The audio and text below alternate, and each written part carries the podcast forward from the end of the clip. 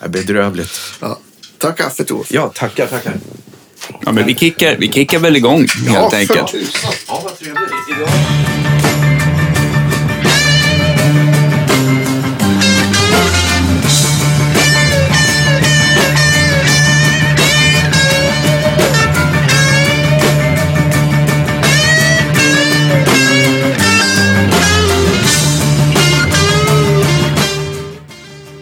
I, idag, idag har vi en, en, väldigt, eh, en väldigt rutinerad eh, herre i soffan, nämligen Thomas Blindberg. Lindberg? Ja. Men du, kan- Blindberg kallas du? Ja. ja. Eller blindis. Blindis. Blindis Va, va, kom, vem myntade det? Ja, det här, ja, alltså som, som jag har förstått det så myntades det, det är så länge sedan nu, det var ju alltså i starten på, när jag började vara på Cheiron alltså, oj oj oj, det är 25 år sedan alltså, 98 där någonstans va? Då på den, alltså jag, jag har ju jävligt racklig syn alltså. Eh, eh, och då hade jag ju glasögon. Eh, sådana där tjocka, ni vet, så att ögonen blir jättestora. Och det där tyckte man såg festligt ut och så, så vart det att vi busade med det. Jag tror faktiskt att det var Max Martin som, som myntade det. Blind, Blindberg sådär i förbifarten. Och så. Sen blev det Blindberg och ehm, det där har hängt med under alla år. Så att Det det, kan ju vara sådär med, med, med smeknamn att de, Ja. de fastnar liksom. ja, Skönt ändå att ha fyra lite tydligare, större strängar att hålla reda på jämfört med... Ja. Exakt, Mm, ja. precis. Och nu har jag ju linser och Linsberg är väl inte lika kul kanske. Men, men alltså det har ju blivit härva ibland i hotellbokningar och sånt där. Jag kommer och ska... Ja, hejsan, eh, Thomas Lindberg. Nej, nej, vi hittar inte dig här. Nej, eh, eh, vad, eh, kolla Blindberg då. Ja, titta här, Blindberg står det här. Så, så, ja, Så till och med på bokningsbolag så har det liksom så, här, Ja. så står det i rullarna som Blindberg. Ja, Liksom. ja, visst. Och det står väl Blindberg, tror jag, i, i de där konvoluten som, då, som det var på den tiden. Ja, just det. Ja. Där står det bas Thomas Blindberg. Och, Ja. Så det har jag fått hänga med bara. Eh, som någon slags Jag, artist. jag, operer, op, jag hade, operör, opererade mina ögon 2012. Det tycker jag är en av de bästa sakerna jag gjort. Men jag vet att man kan inte riktigt få ordning på alla typer av synfel. Sådär, Precis. så att, ja. Jag är en av dem som inte funkar att eh, Okej. s- sätta in ny lins helt enkelt för att ögat var på något visst sätt. Ja. Eh, Så tyvärr, jag, får, jag kör linser nu då. Det korrigerar typ 99 procent. Liksom. ja, det är ju bra. Men så är man ju gubbe nu också så man behöver ju sådana här läs, läsglasögon. Va? Så att jag, ja, plus ett läsglas. Och, Ja, ja, okej. På när, när, närmare håll eller? ja, precis. Nu på Jesus Christ här i våras eh, arenaturnén så och var de ju på att sitta och stirra i not, eh, ja, i notbladen. Ja, böjd så här, apropå lumbago, just det. ryggskottet. Precis. Ja. Ja, man får lära sig allt utan till, men det är, det är ganska... Det, är ganska, det är ganska mycket musik i den här. Oj, oj, oj. Ja, eh, Och ganska svåra grejer också. Ja, visst. Väldigt svåra. Ja, det gick inte att släppa. Fast vi gjorde 30 gig alltså. Några, några av de grooviga låtarna i början kunde man mata på. Men sen kom det passager där man, aj, aj, aj. Och då ska man börja bläddra med den där iPaden också. Vart var jag nu alltså? Ja, ja, så att, men det, det, det gick bra. Ja. Ja. Men du körde padda för... för liksom. Ja, ja. jag är väl eh, eh, också eh, en av dem som har börjat med det precis nu. Alltså, Jag har eh, stått där med papper, liksom, men det, jag insåg att nu måste jag väl ändå skärpa mig. Jag var också sen på bollen. Jag började precis innan pandemin bara. Men det är ju väldigt skönt. Ja, verkligen. Faktiskt. Ja. Måste jag säga. Kanske slutar med någon sån här jumbotron framför eller Ja, någonting. Så det var ja, riktigt ja, precis. stort. Ja, men jag, jag, jag, kallar, jag, jag, jag säger som, som Jonas Almroth, också basist och, och kär vän och kollega. Säger ja, men man måste ju ha en gubbpadda, det är alltså den stora paddan. Ja, för de exakt. små, är för det, liksom, det var därför jag vägrade länge, för jag tyckte att det, är- det är för litet. Liksom. Ja, exakt. Ja. Precis. Men när de kom med stora så tycker jag att det blev väldigt bra. Ja, du har den, där, den, den stora paddan nu eh, Ja, också. exakt. Eh, eh, iPad Pro eller vad den Precis. kallas. Ja, Vad vad billig den var, inte. Ja, nej, fy. Ja. Jag höll på att säga fula ord där, men Ja. den kostar ju som en dator eller två. Ja, precis. Ja. Ja, visst. Ja, Katastrof. herregud. Och Men köpa en mo- mobiltelefon över, över disk är inte heller det billigaste. Ja, men det, är ju, det är typ samma peng. Ja, visst. Och är man liksom... Något ska man göra av alla pengar, Ja, tänker jag. Ja, precis. Ja. Och barnen ska ju ha också, va? så att det är, ju- man står ju och matar ut sedlar bara hela tiden. Mata ut iPads bara. ja, exakt. Månadsprenumeration kanske. ja. Ja. ja, shit. Och nog om iPads. Men, men eh, eh, du säger att det började, var det 98 eh, som du började spela alltså, på Cheiron? Precis. Tiden sådär.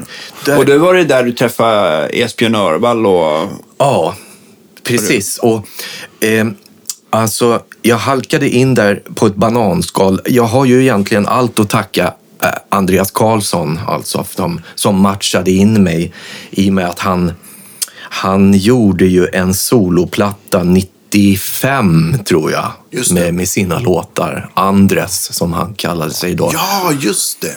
Och, och där var ju då Anders Bagge eh, en av producenterna och proddade ett par låtar. Och några från Cheiron, alltså Per Magnusson och David Kryger proddade också några låtar. Och Andreas hade jag träffat där, eh, alltså 94, 95, då jag flyttade till Stockholm och gick på Birkagårdens eh, folkhögskola. Just det. Så det, där kom vi i slang med varandra och han liksom matchade in mig då att spela bas. Dels ute hos Bagge, men på Cheiron. Så att det började lite smått där, 96, 97 skulle jag vilja säga. Eh, och Esbjörn och jag, de första åren, så vi möttes i dörren. Du vet, antingen En kom... in, en ut. Ja, precis. Antingen var jag där före eller, eller tvärtom. Så att, Räckte över stafettpinnen bara. Ja, men precis. Så vi kände inte varann egentligen. Jag, jag visste vem han var och vi sa hej och sådär. Och vi, vi hade inte spelat tillsammans i något annat sammanhang då. Det gjorde vi ju sen eh, intensivt på, på börsen i många år då. Just det. Ja, jag babblar på här bara. Ja, Ja, det, det är så härligt. Ja. Ja, det, det blir inte så mycket bättre än så här. Nej. Lite kaffe och en Ja. bra gäst. Ja, eller hur? Ja. Jag är så nyfiken på hur, hur mycket så här input vad som, på vad som skulle göras fick du? Var det olika eller var det fritt liksom? Det var... ehm, alltså oftast var det ju fritt.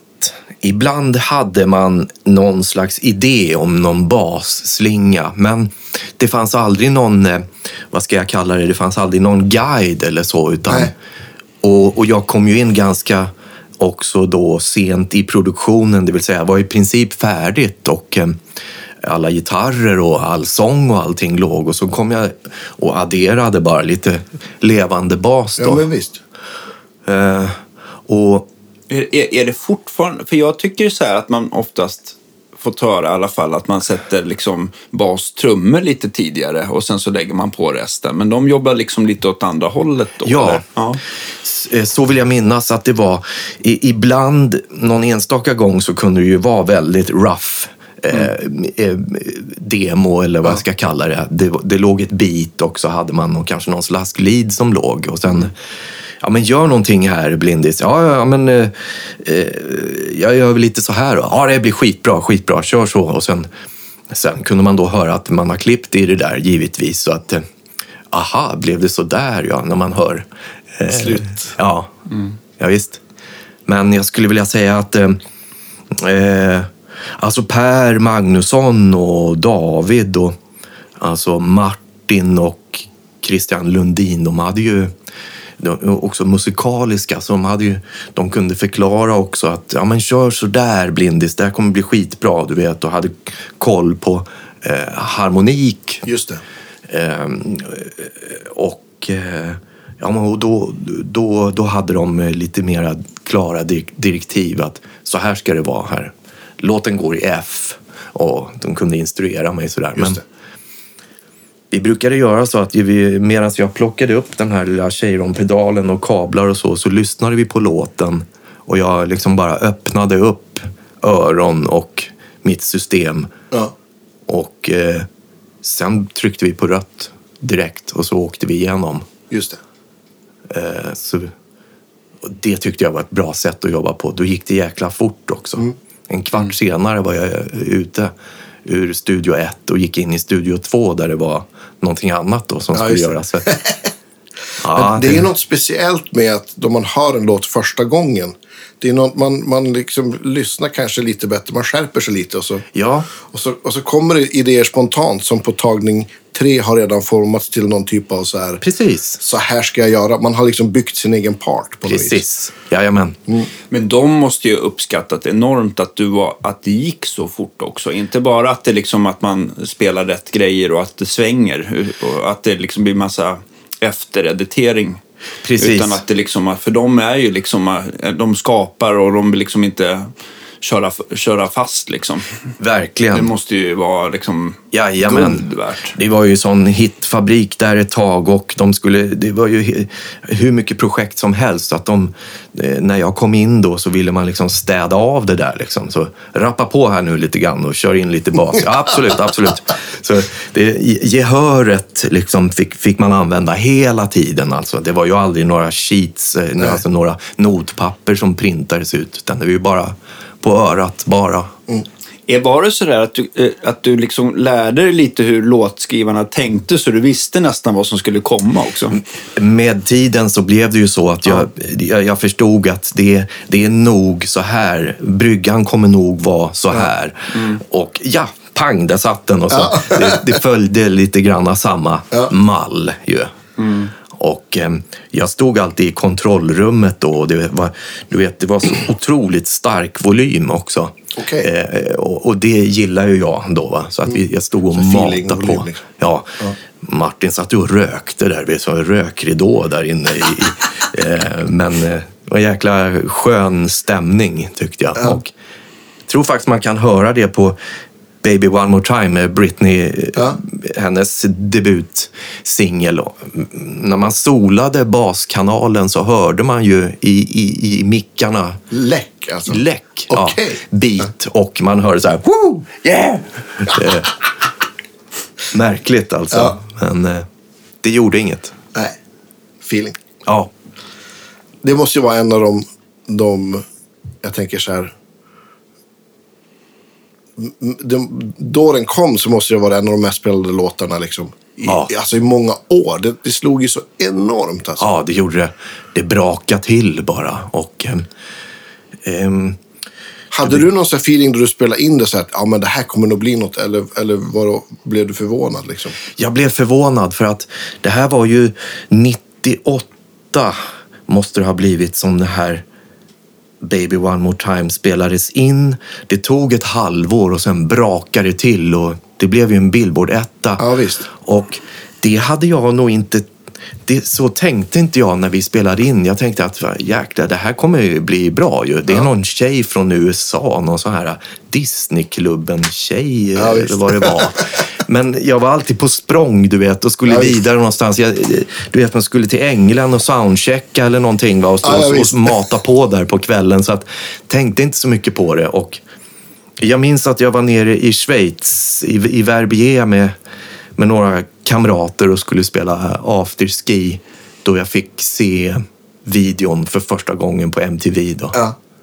Det var mäktigt alltså. Ja, ja. Då förstod jag att oj, oj, oj.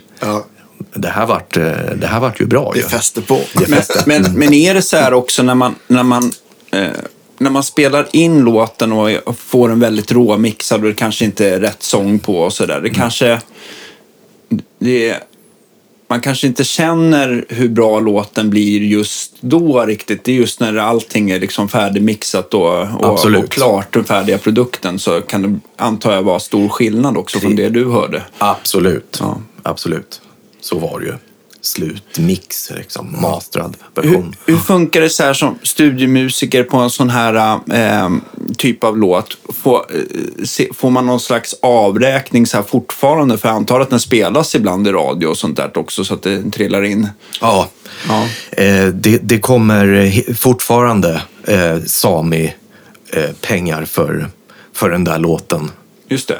Och det kan man ju titta lite grann på Sami, var, vilka länder som har Ja, avräknats. Och, eh, eh, ja, och den finns ju med i diskografin över ja, men singel och samlingsplatta och den finns ju med. Det, det är en- bara, man får scrolla hur mycket som helst. Ja, jag fattar. hur många versioner som helst. Ja, ja precis. men det var som eh, Esbjörn, han hade ju fortfarande med, med ehm, I want it that way va? Precis. Det är väl också en sån där. Spelar du bas på den? Ja, jajamän. Ja. Ja.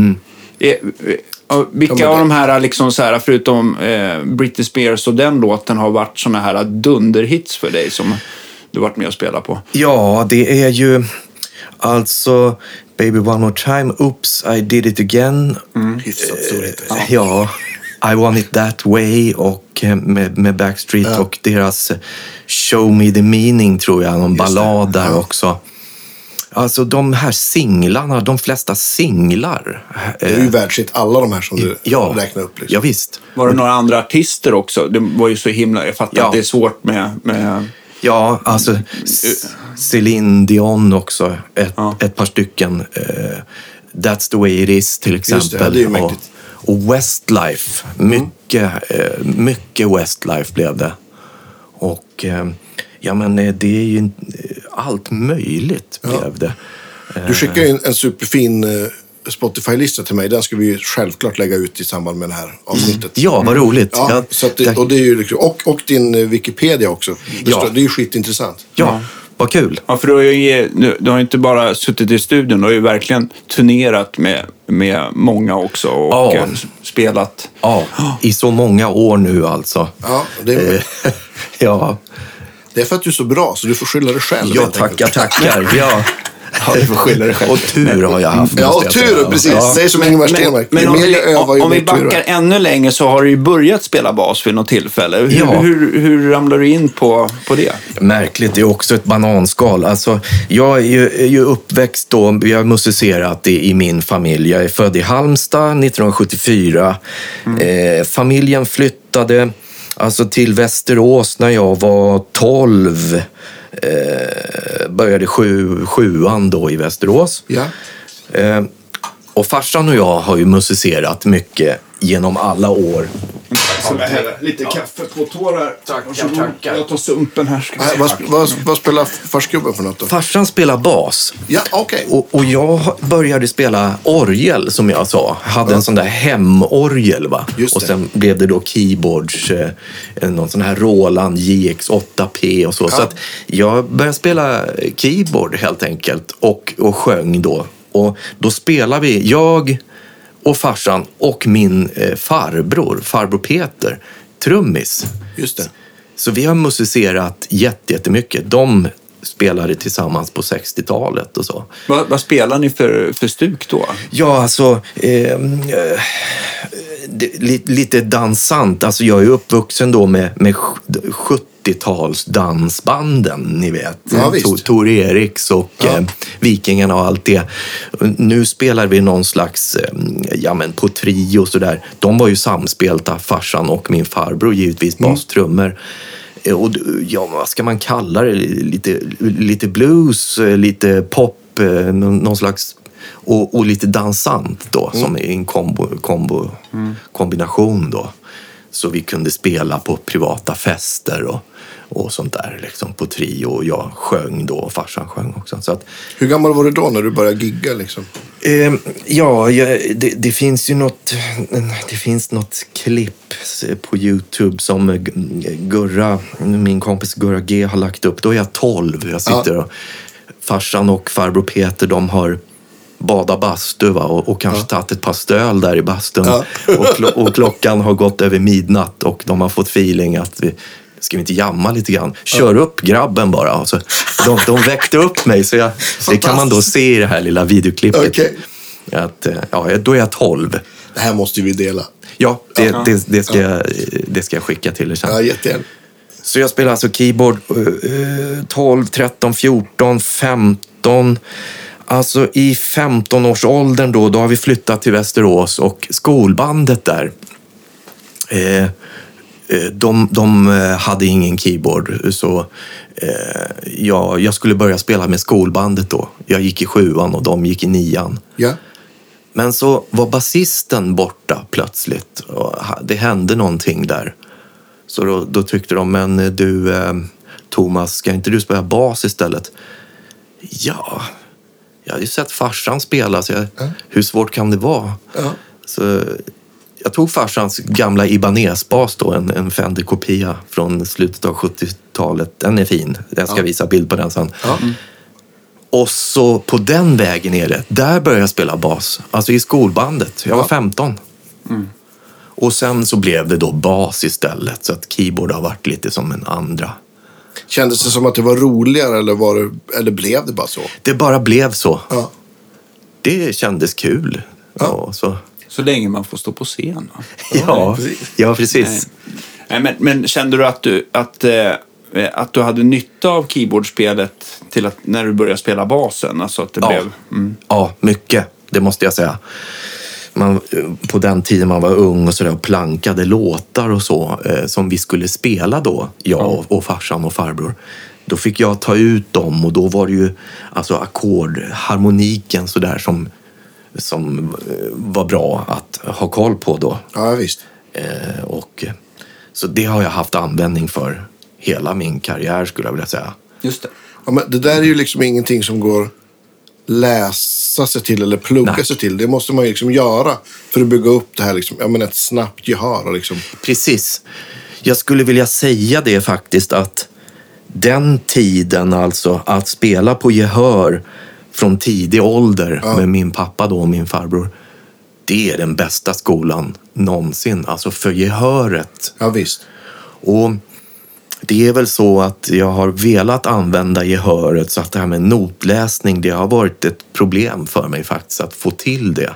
Jag var väl så illa tvungen, du vet, i, i stora produktioner och i krogshower och sånt. Och, Alltså man spelar med Rea-gänget med då Stoffe Nergård har arrat och, och, och det bara sätts ner ett papper framför näsan. Så jag, jag tvingades liksom och, och, och, och lära mig helt enkelt. Och, eh, nu är hjälpligt tar jag mig igenom arr liksom, och sådär. Men Jag får sitta och fila lite helt enkelt. Men, eh, men det är väl så, har jag förstått. Ja, ja visst. Ja, men jag är nog likadan. Jag Ja. kommer liksom så mycket från gehörsvärlden Världen. så att jag har liksom...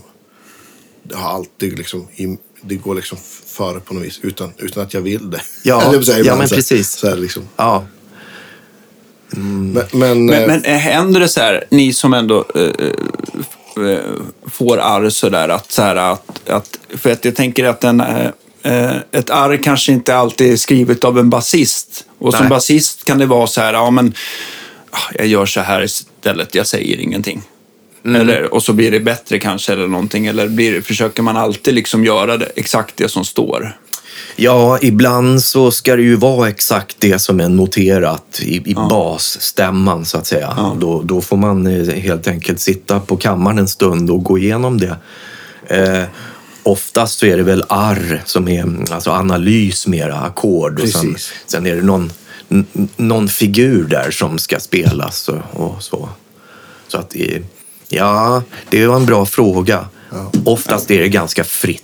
Men Okej, man, man ja, men det följer. kan vara lite fritt i alla Ja. fall. Så. Det är ingen som kommer med, med linjalen och smäller över fingrarna direkt. Nej, inte, inte riktigt så, Nej. så hårt. Men om det är e- egenkomponerat så, så ska det ju vara på ett visst sätt. Och då, eh, ja, ja, då har jag ibland fått sitta och traggla den, den klassikern att volymen åker ner lite om man liksom trevar en liten stund liksom, tills man kommer på.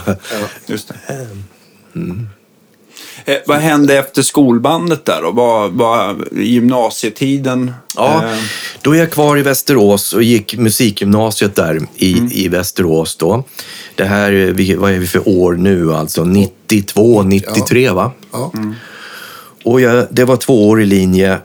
Eh, Så jag gick ut tvåan och så, eh, så började då det här eh, stressen med att börja söka, ni vet, till... Man skulle söka Fridhem och Skurup, och, alltså folkhögskolor och sånt. Visst. Och jag sökte och det gick ju inget vidare för mig faktiskt. Då. Ehm, eh, och så Birkagården då i Stockholm, de, ehm, de hade ansökan då. De, en basist och det var väl så här 63 sökande till en plats. Jag åkte dit och brände av eh, eh, jag tänkte att det kommer ju ändå inte gå så att jag, bara matade på där och var Vad inte körde du för låt? Kommer du ihåg? Spain. Ja, visst. Ja. och ma- matade på där bara och var väl inte så nervös för jag tänkte det här kommer ändå inte gå. Men så kom det ett brev sen. Hejsan Thomas, gratulerar. Du är välkommen att börja på Birkagårdens folkhögskola. Eh, Så, kul. Ja, så jag flyttade till Stockholm.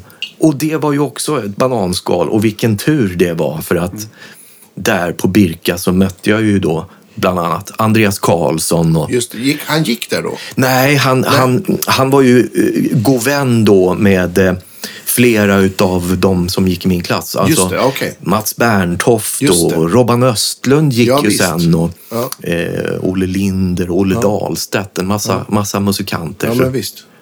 Och så, så där spelade vi på något sånt där musikcafé någon gång. Brände av några slicka låtar. Ja. Eh, och så... så eh, Birkagården var väl ganska Ja.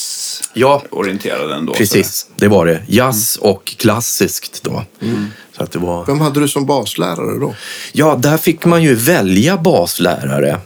Eh, och eh, det tyckte jag var toppen. Och jag, jag har ju, alltså min, min, min idol är ju fortfarande då, men framförallt på den tiden, Lars, Lars Danielsson, Larry D alltså. Ja. Eh, eh, eh, men det, det var svårt att få till lektioner. Och jag, jag blev tipsad om Teddy Walter Ja. en basist. Så vi hade väl ett par lektioner, men det blev inte så mycket mer. Och, och jag var lite disträ på den tiden, så att de där åren gick. Jag spela, spela med coverband och sånt där, så jag var ju inte så mycket i skolan, ska jag säga, utan vi, vi började ju gigga lite här och var. För en femhunka och en pyttipanna, va? Ja, och allt det. Man kommer ihåg, var, var var de första giggen i Stockholm? Så här? Ängelen kanske? Ja, jag gissar. Jag, jag tror faktiskt att det var, det var nog Ängelen och du vet någon fest någonstans här på Konstfack skulle de ha någon kväll och så. så Ja. liksom, Man bara åkte dit med Ampeg-riggen och Ja. den där 8-10 kiosken som man fick rulla och rodda in i taxi och grejer. Ja. Vad glada taxichaufförerna ska bli. de Jätteglada. ja. Man fick även fälla framsätet. ja, precis. Ja, de, de, de, Otroligt boklöv. Ja, verkligen. Ja, Pannan i ratten. Ja, ja så att det, ja, det är nog Ängelen och, eller något, någon sån där klubb någonstans. Ja. En liten rökig krog sådär. Ja. Som inte finns så mycket av nu för tiden. Visst. finns ju kvar. Ja. Men, Jag, jag brukar klaga på att det ska vara så jävla ljust och fräscht överallt i den här stan. ja, precis. Ja, ja. Så att det är liksom precis, många av de här haken är ju tyvärr, finns inte kvar. Liksom. Nej. Det, det, ja, men det kommer. Nej, jag kan bara tänka att det är Ängelen och Stampen, det är väl det man kommer ihåg. Fasching givetvis har ju funnits sedan den tiden såklart. Just det. Men i Gamla stan fanns det väl liksom hur mycket ställen som helst. Har jag förstått. Vissa Liksom, ställen var det väl lite grann att de hade... Det var väl någon eldsjäl som verkligen satsade på musik och sådär. Men sen Ja, så om de försvann så, så var det ingen som orkade ta det över. För det kräver ju så varit. mycket Ja, engagemang och, Ja. eh, och tid liksom till att boka band och Jo, det det har att funka. förmodligen alltid varit lite så. Ja. Sen, man kanske har en tendens också att titta tillbaks på bakåt och tänka att det var bättre. ja, precis. Absolut. Ja. Nej, men det fanns väl också flera... Eh, det, jag ska inte säga att det inte finns det nu heller, men det var rätt många ställen som körde i veckorna på ett annat sätt också. Precis. Ja. Och, var mer. ja, och det var ju min dröm då, alltså om man var 20-25 bast, att tänka att få åka en turné med någon artist och sådär, Ja. en, en produktion. Men det gick ju många år. Jag, jag hamnade ju i den här studiovärlden då istället. Ja, du var inte gammal då. Nej, alltså det bara, och det bara matade på där på Cheiron och sen Alltså alla de andra producentteamen runt om i, i Stockholm ville ju köra lite samma recept. Just så att det. det vart liksom en spin-off på det där. Så att jag åkte omkring överallt och spelade in mest. Så det är ju inte förrän 2003 som jag gjorde min första liksom, produktion då. Ja. Eh, eh, Lena Philipssons eh, krogshow. Var var det någonstans? Då skulle den, den hade gått en säsong på börsen men skulle då flyttas ner först till Slakthuset i Malmö och sen på Rondo. Då. Just det, Göteborg. Ja. Så det var det första liksom på det viset som jag gjorde. Sen följde det ju på med en massa krogshower och turnéer då med Vem med spelar Carola gitarr då med, med Lena? Eh, Martin Hedström, Just Göte- det. göteborgaren. Mm. Jag tänkte också så här, på, eh, för att bara eh, återkoppla till Cheiron så. Ja. Fick du ta eh, all bas, alltså pålägg, eller, eller fanns det någon till som, som alternerade med dig där? Eller hur? Alltså som, som jag har förstått det så var det nog bara jag som, som spelade bas där. För att det var ju programmerad bas från början. Alltså under tiden Dennis levde, han brukade öppna dörren och titta in. Va? Kör ni livebas här? Vi kör ju bara programmerat. Och så skrattade han och sen försvann han ut. Men, men, men eh, det gick ju så smidigt och eh, de ringde in mig bara. Men man insåg alltså med det programmerade då beatsen och allt det så, så vart det någonting med Esbjörns gitarrer då och, och en, en livebas på det. Det gjorde något med svänget såklart. Ja, men det är liksom. mänsklig, två mänskliga faktorer då. Ja, Men, ja, men, men var det så också även att du hamnade på någon av Dennis produktioner? Eller körde han alltid programmerat? Ja, alltså. Han gick ju bort tyvärr då. 98, visst var det väl det? va? Och då, då han höll inte på så mycket där. Så att, alltså Martin och de andra tog över där och då mycket programmerat var det ju fortfarande. Vissa låtar. Eh, syntbas på då. Men, men mer och mer blev det livebas. Så, så vill jag minnas Va, att det vad var liksom ditt, ditt eh, vad var your weapon of choice för, för de här grejerna? Hade du någon favoritbas som alltid fick hänga med? Ja, det är ju, det är ju Lisbeth 1. Som, eh, jag har med mig Lisbeth 2 här idag i studion. Och Lisbeth 1 det är ju en Fender Jazzbas 1966. Ja. Också Sunburst, eller? Ja, precis. Den har jag alltid använt. Eh, någon gång har jag använt en femsträngad Yamaha-bas som jag hade. Den är såld sen, sen way back alltså. Eh, då det skulle vara lite extra kött där, eh, låga toner. Men, men eh, 99 procent bara den jazzbasen. Hur kom det sig att det, vad är det som skiljer om man nu får jämföra Lisbeth 1 och 2? Det är två Sunburst Ja. 66er jazzbas. Ja, det Men- är, det, är, eh, det är otroligt. Jag har suttit och jämfört dem. Det, är svårt att beskriva. Det här kan ju ni mycket bättre än jag, ni som håller på med sådana här saker. Men det är någonting extra, någon mer, lite mer kärna i, i Lisbeth 1. Som kommer fram tillsammans med den här Cheiron-pedalen Ja, som jag har med den mig. ska vi prata om. Det är näst. Ja. Ditt hemliga vapen. Eh, Ja. Men, men, men om man bara, om man bara eh, rent så här hur den känns Mm. och har på sig och sånt där. Eh, är det så att det skiljer någonting i vikt på dem? Nej, det är i stort sett samma vikt. Eh, Stränghöjden är betydligt lägre på Lisbeth 1. Okej. Eh, Så den, den är enklare att, att spela på, Ja. upplever jag. Och det var ändå så här trots att du försöker justera in eh, Lisbeth 2 så nära som möjligt så blir den ändå inte riktigt lika komfortabel, eller? Nej, jag, med flit har jag valt på Lisbeth 2 som ligger där Mm. att ha högre stränghöjd. För man den spelar ju bara, den använder jag bara live. Den här. Ja, lite mer adrenalin. Och, ja, precis. Du vet, jag, på jag vill dra i ordentligt. Eh, Men just i, i studiosammanhang med så här, eh, liksom, eh, vad kallar man det, lupp, Ja. ljud, liksom, då, då är Lisbeth 1 helt, helt perfekt. Och eh, det är jämnt och fint hela i, soundmässigt. Då. Så jag kan inte beskriva det på något annat sätt. Men det, det är någonting. Skiljer halsprofilen någonting sådär så att den, är, den ena är bekvämare att spela på? Nej, det är i, i, princip, i princip samma. Det, jag vet inte vad det är, men kan det vara något att trä, träslaget eller det är någonting som skiljer dem åt? Det är lite mer kärna i Lisbeth 1. Ja. Men det är ju sånt, det är ju sånt det där som är jäkligt svårt Ja. att kunna justera fram också ur Ja. en annan bas. med. Men, men jag tänkte på, jazzbasen har ju liksom två mickar. Ja. Hur har du, har du alltid använt den på samma sätt? Eller Ja. brukar du, hur brukar du ratta in den så att Ja, säga? fullt, fullt på, på båda. Eh, Alltså bara, Mickarna, ja. ja.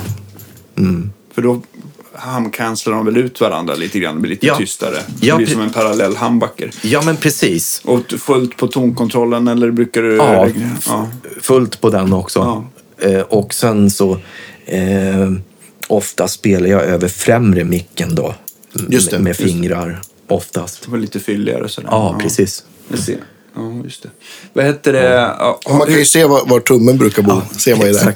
Har du alltid liksom kört samma strängar genom åren när det kommer till tjocklek och märke? Ja, jag körde på de här boomers, GHS boomers, Ja. 045 till 105. Ja. Eh, och eh, det gör jag fortfarande när jag hittar de där boomers. Nu är det nog, nu sitter det någon Fender, Fender-strängar. Märker du direkt att det inte är boomers som sitter på? Eh, nej. Nej, det gör jag väl inte faktiskt. Ehm, det är typ samma, skulle jag säga. Det bara blev...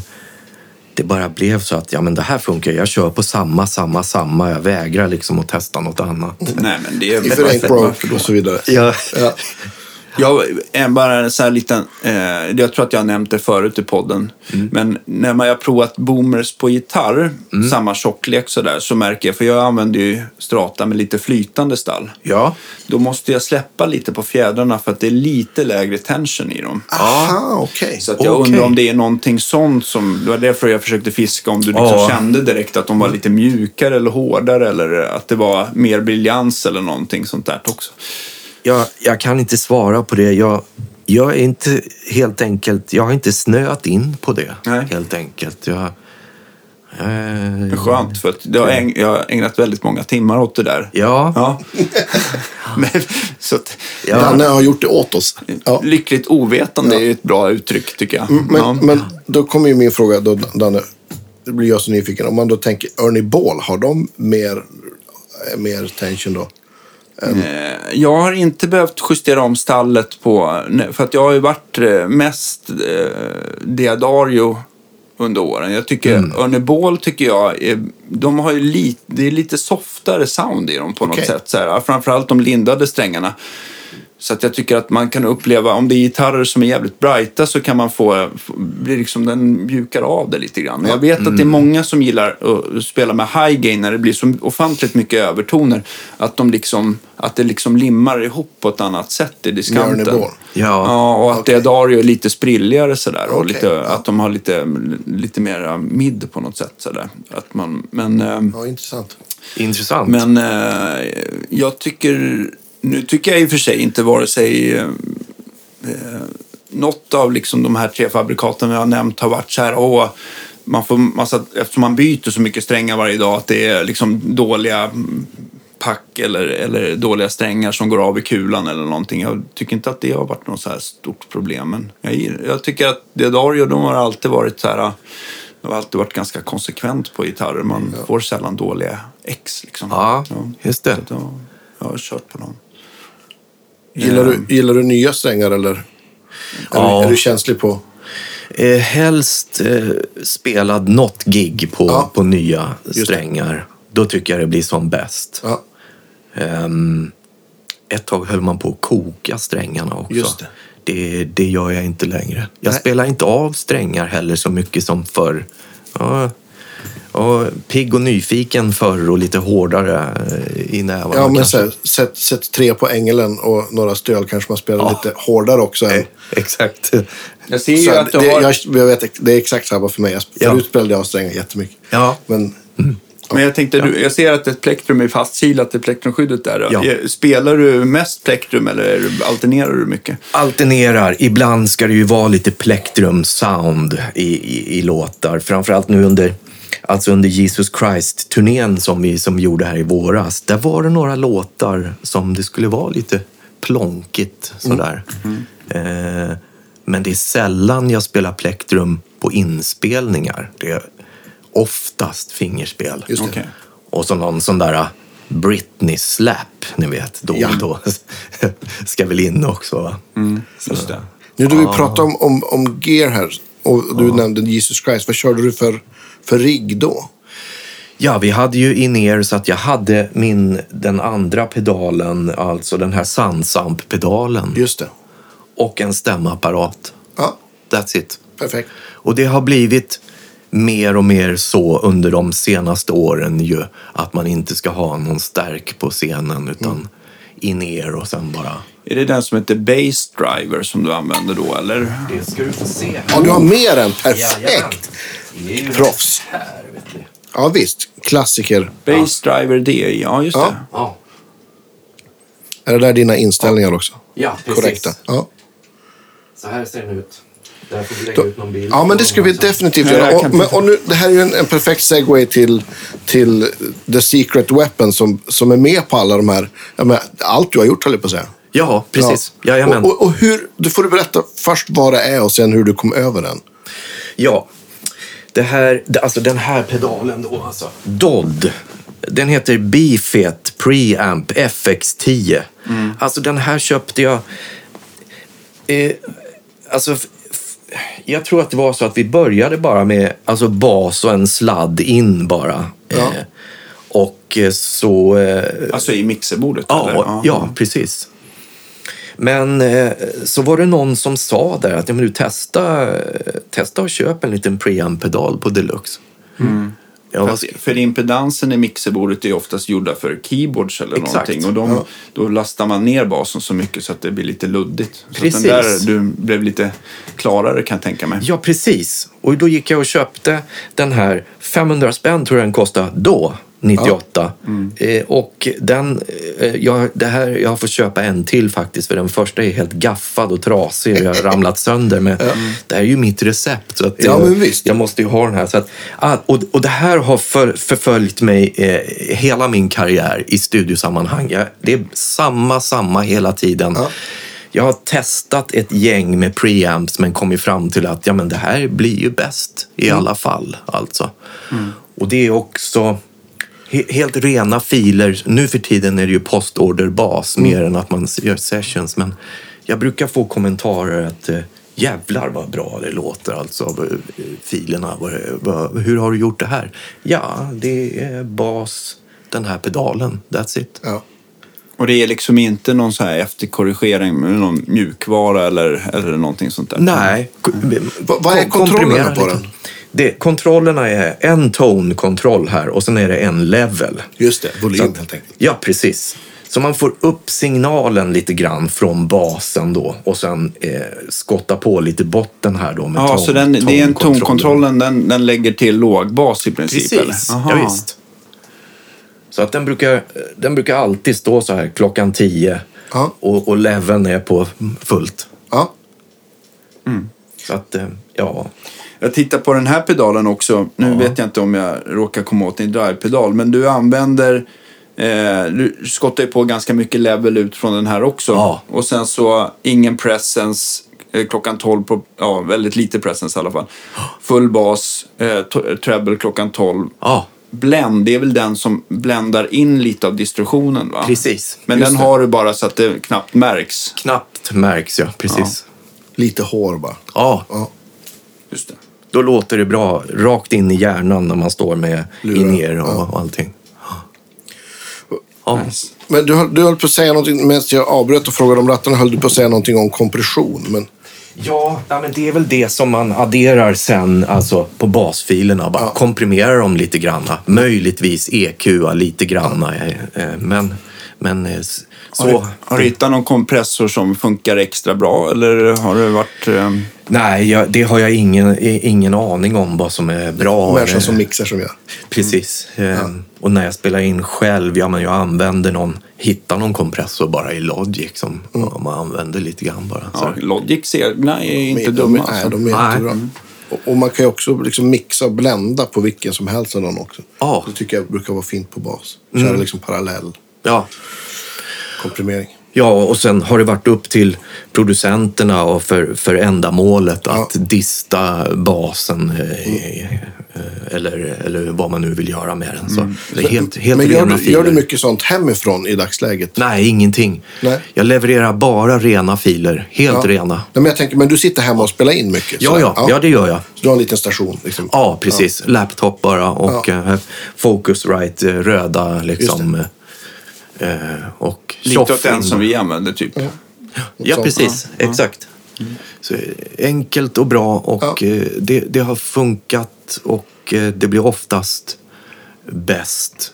Och eh, ja, och då har jag tänkt att då krånglar jag inte till det utan jag kör samma, samma bara. Ja. Hur, om vi går tillbaka lite grann till, till den här eh, Lena-tiden, eller när Mm. du började spela live där. Var det också att du hade din Ampeg 810 då att släpa på, eller vad, hur? Nej, det, det var krogshow och då blev vi tillsagda att eh, inga förstärkare på scenen. Va? Eh, och gitarrstärken stod i något sånt där isobås givetvis. Men eh, redan då började jag använda den där, Sansampen. Just då. Eh, som då var in-ear. Så att eh, mindre och mindre, alltså om vi backar tio år då säger vi. Då har jag väl nästan uteslutande kört bara liksom in-ear och pedal. Ehm, ibland tar man med förstärkaren såklart för att dundra på lite. Men Vad har du för förstärkare nu som du dundrar på lite med? jag, jag gjorde mig av med den där kiosken 810 och så och nu har jag en Ampeg 410. Ja. Eh, Jag hade förut Ampegs SVT2, svintung 2 eh, i rack. Just den här det, rack. just det. Alltså är den det- lika stark också, så, alltså 300 watt, som, som toppen i sig? va? Ja, precis. Eh, Så, så eh, det har jag för mig. Mm. Men alltså, det man får ju alltså, ryggskott varje gång man skulle rodda den där. Så den, SVT, står det för svintung eller? ja, det är enligt mig. Jätteroligt. Svintung 2. Men nu, nu har jag den där Marshall eh, bas, deras version. Den här... Eh, Guldiga? Ja, eller? precis. Ja, de är fina. Fick någon typ av halvspons på någon, någon produktion. Men är så- den, den, den är inte rör, va? utan det är någon transistor, Ja. alltså någon ja, Ja. 200 watts, Ja. för mig. Ja, precis. De brukar låta väldigt bra. Jag vet att eh, en basist, Nalle Paulsson, körde väldigt mycket på de Ja, där. precis. De var väldigt populära ett tag. Och Ja. Jag har den kvar och sen Ampegs 410 då. Just det. Som en liten en kombo då. Då, då det är liksom gig utan in-ear. Ja, precis. Ja. Exakt. Och kör, kör du liksom din Secret Weapon-pedal, har du den även in i stärk? Eller Nej. Det, nej, det är bara för inspelning. Ja, bara inspelning. Mm. Och om det är stärk, kör du, kör du den andra pedalen där också? Eller, nej. I, inga pedaler alls. En Nej. stämapparat bara. Ja, Så jag, perfekt. jag har inga pedalbord eller någonting. Jag, Vad skönt. Ja, det har ju varit smidigt och eh, jag vet ju att många använder just en, en, har en ett pedalbord va? och så för att greja lite. Men ah, jag, jag vet inte varför jag är eh, trångsynt där, men det har aldrig blivit av. Det, Nej, men- det, jag kör, det är bara, bara bas och sladd. Ja. Det har funkat bra kan man säga. Ja. Men, men Ja, efter den här. Lena, Lena krogshowen så då Ja. började det ticka på mer med den typen av turnéproduktioner och krogshower. Ja, alltså då, då, ja, då var det full beläggning i många år. Alltså. Ja. Det, det följde på med Carolas jubileumsturné. Eh. Ja. eh, jubileumsshow där, 2003. Då skulle det spelas in på Cirkus och det, det, hennes jubileumsshow. Just det. Och turné på det. va. Eh, och sen följde det på med det ena efter det andra där. Och ett, tu, tre så var det Hamburger Börs i många år. Alltså 2004 till 2009. Oj! Alltså med eh, Rea-gänget då. Va? Och sen var det gästspel så det blev lite Christer Sjögrens eh, Show Me Vegas Ja, och eh, Lill-Babs show och sådär som blandades upp. Med i princip samma musiker alltså. Vil- vilka var ni då? Stoffe Nergård, Ja. eh, Esbjörn Örvall, Jonas Stadling Ja. och eh, ibland var Roger Gustafsson med på gitarr och eh, eh, lite rullande där eh, med musikanter men i princip samma, Mm. samma gäng som bara, vi satt kvar där bara och mata på alltså. och, och så då dagtid eh, lite på Cheiron och lite Ja. olika studios och så matar man på där. Så det var liksom full, det bara snurrade på de där åren. Ja. Eh, När började du spela med Uggla? det var 2009 så gjorde Uggla och Reborg och Ulveson en show på Cirkus. Då var det eh, Gardis som eh, kapellmästrade det. Och så var det jag och Habo och Martin Hedström. Det var väl första med Uggla och efter det så blev det då Ugglas egna ja, men sommarturnéer och hans krogshower har jag varit med på Just det. eh, i princip allihopa fram till 2015. Så du var sex, sju år där med, Ja, med mycket uggla. ja mycket.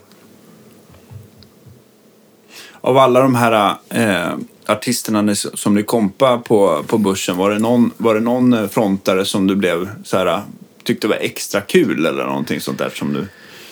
Ja, alltså... Ja, det är Alla är ju bra, superproffs. Superbra. Det var ju jäkligt roligt det mesta. Men eh, som jag berättade tidigare, jag kommer ju från den här dansbandsvärlden också. Mm. Vuxit upp med 70-talsdansbanden och så. Vikingarna, där ju Christer Sjögren eh, var med efter Stefan Borsch, om ni Just kommer det. ihåg. Ja.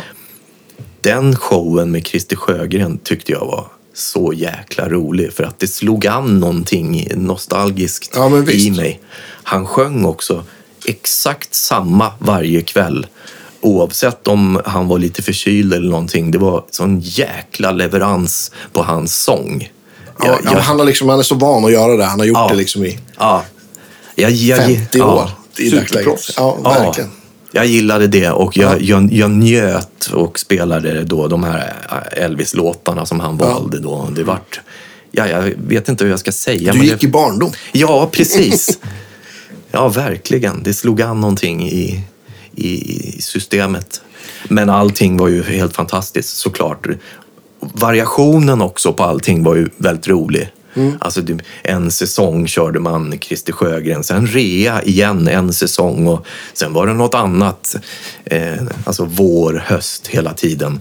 Och på somrarna kunde det då vara Uggla-turné. Har, har, du haft, har du haft, eftersom det har varit så uppbokat, har det också varit problem att du har fått tackat nej till mycket eller att det har krockat?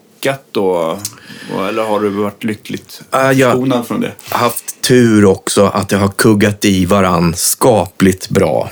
Eh, n- någon övergångsperiod, sådär, repperiod, har det lappat över ibland. Att man har fått haft vick lite granna under repen och så. Men jag, jag, har- jag har kunnat köra... Eh, det har kuggat i varann ganska bra, ska jag säga. Ehm, så att ja, det har nog funkat. Sen, sen hamnade jag nog i, ni vet som frilansare, man är i den där loopen och fri, man är överallt härs och tvärs och träffar eh, musiker och man finns. Jag, jag tror att det blev så eh, all, de där åren med Magnus Uggla, då, då tror jag nog att det blev så att eh, man slutade höra av sig. Det är ingen idé att vi ringer Blindis för att eh, han kör ju ändå med Uggla. Ja. Fast det var ju faktiskt så att ett tag var, hade jag inte någonting att göra. Men man har liksom ramlat ur loopen. Ja, men om precis. ni förstår vad jag menar. Ja, men det är ju en sån här frilansklassiker. Ja, visst. Så Och- det, ja, men, och, och det är liksom, ja, men det vet jag, ja, men Sebbe Nylund har pratat om också. Vi har pratat om det flera gånger. Liksom. Ja. Jag vet inte om han sa det säkert i podden, men, så här, ja, men han är så förknippad med Ledin. Ja. Så även om Ledin gör en sommarturné vartannat år Ja. så tror alla att det, han, det, han gör det 9 till 5. Ja, så jag kan tänka mig att det var exakt samma. Det är precis så. Ja. Jajamän. Och det är liksom, det kanske, precis som du sa, det kanske var en sommarturné. Sen gjorde du något annat. Ja. Men, det, var- men det var ändå liksom, Ja. det var så förknippad med, med det. Ja, Liksom. ja. precis. Ja. ja, det blev så. Men, men du har ju också eh, du har gjort en del egna projekt också. Ja, just det. Jag tänker att jag kommer att tänka på det då du, då du nämnde Christer Sjögren. Ja. Det känns som en bra segway här över till... Ja, Ja. Du hade, du hade väl ett eh, eh, Blindbergs med Ja. Z på slutet va? Jajamän, det, det, mm, det har jag nu och det är bara några år sedan som Ja. det kom till. Men alltså 2006 så startade jag och Gurra, Gurra G, ni vet. Just det. Vi startade Konditorns, Ja, precis! ett dansband. Eh, och det är ju också, alltså han är också precis som jag uppvuxen med 70-tals dansbandskulturen. Ja. Så eh, vi var tvungna liksom att göra någonting för att få, få stilla det behovet. Ja. Och det blev då konditorns. Och där översatte vi då, alltså hits översattes till, till svenska. Ja. Direktöversättning, vilket gör att det blir ganska roliga texter. Ja. Och sen så gjorde vi eh, de där låtarna själva då. Så släppte vi två plattor. Och, eh, vi- Vilka, vilka, kan du nämna bara några stycken som ni gjorde översättningar på? Ja, Som, eh, vi gjorde ju givetvis då på eh, Oj, det hände igen. alltså Britney-låten. Eh, och vi har ju Flickor vill bara ha skoj. Eh, Ja, visst. Ja, alltså. Ja, det, det är mycket roliga låtar Ja. där. Ja. Det, det, alltså, om man sitter en kväll och tar kanske ett glas vin och drar på det här på Spotify. Det, det blir god stämning och Ja. högt i tak verkligen. ja. Eh, ja. Konditorns. Konditorns, det startar vi. Och där är ju jag Ska då... det också vara Z på slutet? Nej, det Nej. var en- enkel S då. Men där är ju jag leadsångare då också. Eh, Och, eh, och basist. Och det är egentligen bara jag och Gurra och Ludde Widegren var med också och spelade gitarr. Ja. Så, men vi har gjort eh, all- allting, liksom proddat allting själva och, Mm. och släppte det där. Och vi fick vara med i Nyhetsmorgon och Bingolotto och Dansbandskampen och lite annat. Just det, Dansbandskamp. Det kommer jag ihåg. Ja. Giggade ni någonsin något med, mer med det? Liksom? Ja, alltså. Vi ville ju det, men det var svårt för att man förväntade sig då att är ni ett dansband eller är ni inte ett dansband? Alltså då spela hela kvällar. Ja, det är Precis. femsättare för Ja. dansbanden. Ja. Det är, Ja, det det är- om man gillar att spela är det ju fantastiskt. Ja. Men det, är, det kräver sin, sin ork. Verkligen, och vi hade ju inte material till det heller. Nej. Alltså, jag hade ju lite bakgrunder, körer och lite musikbakgrunder liksom som gick. Så att det, det gick helt enkelt inte. Så vi gjorde lite sådana här event, liksom roliga här showgigs då, Ja. va? med konditorns. I de här kostymerna som för övrigt är Gurras pappas gamla dansbandskostymer. Autentiska vad från kul. Ja. 1972. Alltså de hade vi. Eh, då. Luktar som nya fortfarande. Äh, herregud vad det luktar konstigt om de där. Alltså. Och, och vi fick också lägga ut dem lite grann. Alltså, de verkar ha varit väldigt smala på den tiden. Alltså, det, de där fick sys ut. Ja, men de, de spelade så många timmar och så sen bar de PA efter det. så Ja, att- precis. Exakt. Ja. De hade inte tid att dricka öl och äta korv och grejer. Nej, precis. Exakt. Ja, så att det är väl några av projekten. Så. Ja. Alltså konditorns och Blindbergs är ju nu, det, det är ju mer som ett, eh, vad ska jag kalla det, eventband. Ja. Eh, sådana här företags eh, gigs då. Hur, ofta spelar ni med det? Det har varit väldigt, väldigt mycket. Alltså innan pandemin, då var vi rejält på gång. Eh, då- då startade vi upp Blindbergs och det blev en förkortning BBZ då. Just det. Eh, eh, och där kollegor är med. Vi, vi gick ihop där och utnyttjade allas kontakter och så kunde vi liksom köra själva då. Just det, utan någon bokare direkt. liksom. Precis. Men så kom pandemin och allting dog och efter pandemin så har vi väl inte haft riktigt ambitionen att komma igång igen, ska, Nej. ska jag säga. Så att nu, nu har det ju blivit att man, man hugger efter eh, det mesta och Ja. så har det blivit mer frilansvariant efter pandemin, ska jag säga. Men Vilka, vilka ingår i, i Blindbergsorkestern då? Grundsättningen där, det är Chris Lind på sång och gitarr. Ja. Mycket bra. Anna Landström keyboard. Eh, Torleif Robertsson trummor. Ja. Och så Björn Bertilsson gitarr. Just det. Fördelen med det här tyckte vi då att alla sjunger lead. Ja, men visst. Så att vi kunde ju liksom ta lite... Till och med tollar sjunger lead. Ja, ja, i princip. Så att vi, vi alla sjunger. Jag kan ta då de här alltså leende guldbruna. Jag står för den biten, liksom Mm. det dansanta. Och Chris kör ju sina liksom funklåtar. Ja, visst. Och Be- Björn Bertilsson är ju... Han måste vi ha med tycker jag. Han är ju väldigt gitarrintresserad. Ja, men både, Lind, ja. både Chris och Björn borde Ja. vara med. Verkligen. Kan vi prata Visst. Prince med? Ja, med men visst. Jajamän, Ja, ja, visst. Björn Bertilsson är ju som en jukebox och har alla, alla gamla låtar. Så, där. så det blev en, en bra blend, Ja, visst. tyckte vi. Ja. Men, men sen kom pandemin. Ja. Var du, var du så här helt sysslolös eller, eller ha- hade du så att du kunde... La du basen på hyllan eller blev det att du spelade in en del hemifrån och sådär? Ja, en, eh, en del inspelning med lite blandat. Producenter som eh, hör av sig och har någon låt som de behöver bas på. Eh, och jag har hållit på med Gurra med ytterligare ett projekt, Bobby Royal. Eh, om, Okej. om ni har sett till. Ett, ett hiphop-projekt kan man Okej. väl säga. Som vi har pysslat med. Eh, finns ju också på Spotify. Vi har släppt Ja, några plattor. Ja, I hiphop, mm, slags pop, hiphop-aktigt. Åt just det hållet eller? Hiphop kanske man kan kalla det. Hiphop, ja. Hiphop, Ja, precis. i- inte alls eh, Nej. som just det, utan någonting, eh, någonting annat helt Ja, enkelt. kul. Ja, jag har inte hört det, det måste jag kolla in. Ja, Ja, det finns säkert i listan där. eh, ja det nej, det finns nog inte med. Då bör, måste man uppdatera den listan lite. Ja, det Jag går väl att lägga till som Ja. om man har skapat Ja. den tror jag. Jajamän. Ja. Där vi har skrivit då Gurra och jag tillsammans och Ja, kul. spelar in allting och proddar allting.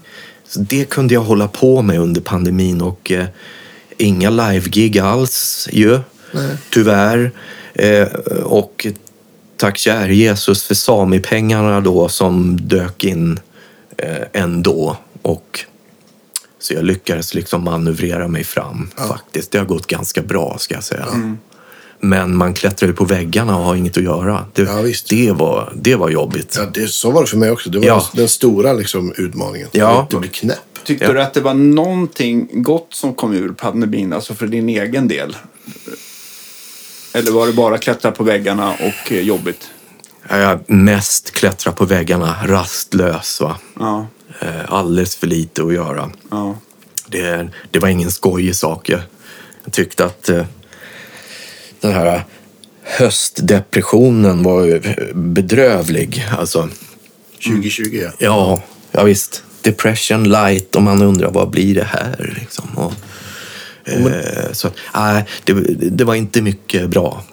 För vissa som man har pratat med som har, som har upplevt pandemin, de har ju liksom så här... De har ju liksom nästan blivit, de har ju fått så här tankeställare så här, och vill nästan inte dra igång efter pandemin. För att man har liksom så här, bara, gud vad skönt det var att vara hemma lite. Alltså det kan ju Ja. bli så också. Men det var ingenting som Nej. kände dig. Du ville bara, Jag vill komma igång igen och man, man hoppades att det ska Ja. komma igång. Och, ja. Ja, men så var det lite så här, det var ju, blev ju någon så här falsk start och så blev, kom det liksom några vågar till. Och så att, Exakt. jag, jag känner fortfarande att jag är lite så här desillusionerad. Så att även om jag vet att jag ska göra något kul så törs jag inte lita på det förrän jag står Precis. där nästan. Och det känns lite tråkigt att inte kunna glädjas åt saker. Ja, Så jag det- håller med. Det tycker jag, det tycker jag faktiskt. Där har jag en baksmälla fortfarande. Ja, jag håller helt klart med. Och den här eh, arenaturnén Jesus Christ då i våras, den, Ja, blev, ju, det. den blev ju flyttad. Och, För den skulle ni ha gjort i februari-mars eller något sånt där va?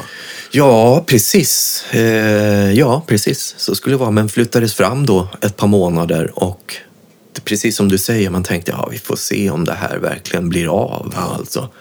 Och när vi hade tagit, ige- tagit oss igenom hela turnén då upplevde jag också att vad ovant det var att mata på sådär. Ja. Jag, liksom mentalt slut också. man blir trött. Inte Ja. bara, ja. Man har tappat bort sig lite grann. Liksom. Ja, men jag tror det, ja, men så, så, som du liksom berättat, allt har liksom kuggat i varandra och man ständigt gör någonting. Då Ja. hinner man liksom jobba upp någon typ av grundtempo som Exakt. så här, grundkondition. Ja, men, är- på, men, är- ja, men Ja. verkligen så här, spelkondisen blir lidande av, Precis. av långa set. Så här. Man känner att man inte har samma ambis och ork över hela Verkligen. konserten. Liksom. Oh, ja. Det tar tid då. Ja, visst. Ja, ja. Jag, jag upplevde för första gången att, att jag fick kramp i högernäven till exempel. Alltså att det, det kändes som att, oj, hur var det nu man gjorde? Ska vi se här. Alltså, ja, men visst, helt plötsligt så är det skarpt läge igen. Och så. ja, ja, visst. Ja. Det, det, det var matigt faktiskt. Ja. Jäkligt kul. Men jobbigt. under pandemin, för att inte klättra på väggarna, hittade du något nytt intresse eller vad gjorde du med din lediga tid då? Ja, jag, jag försökte att motionera så mycket jag, så mycket jag kunde och, och inte ta så många eh, pandemi öl helt enkelt. Eh, eh, eh, och eh, ja, det gick väl ganska bra.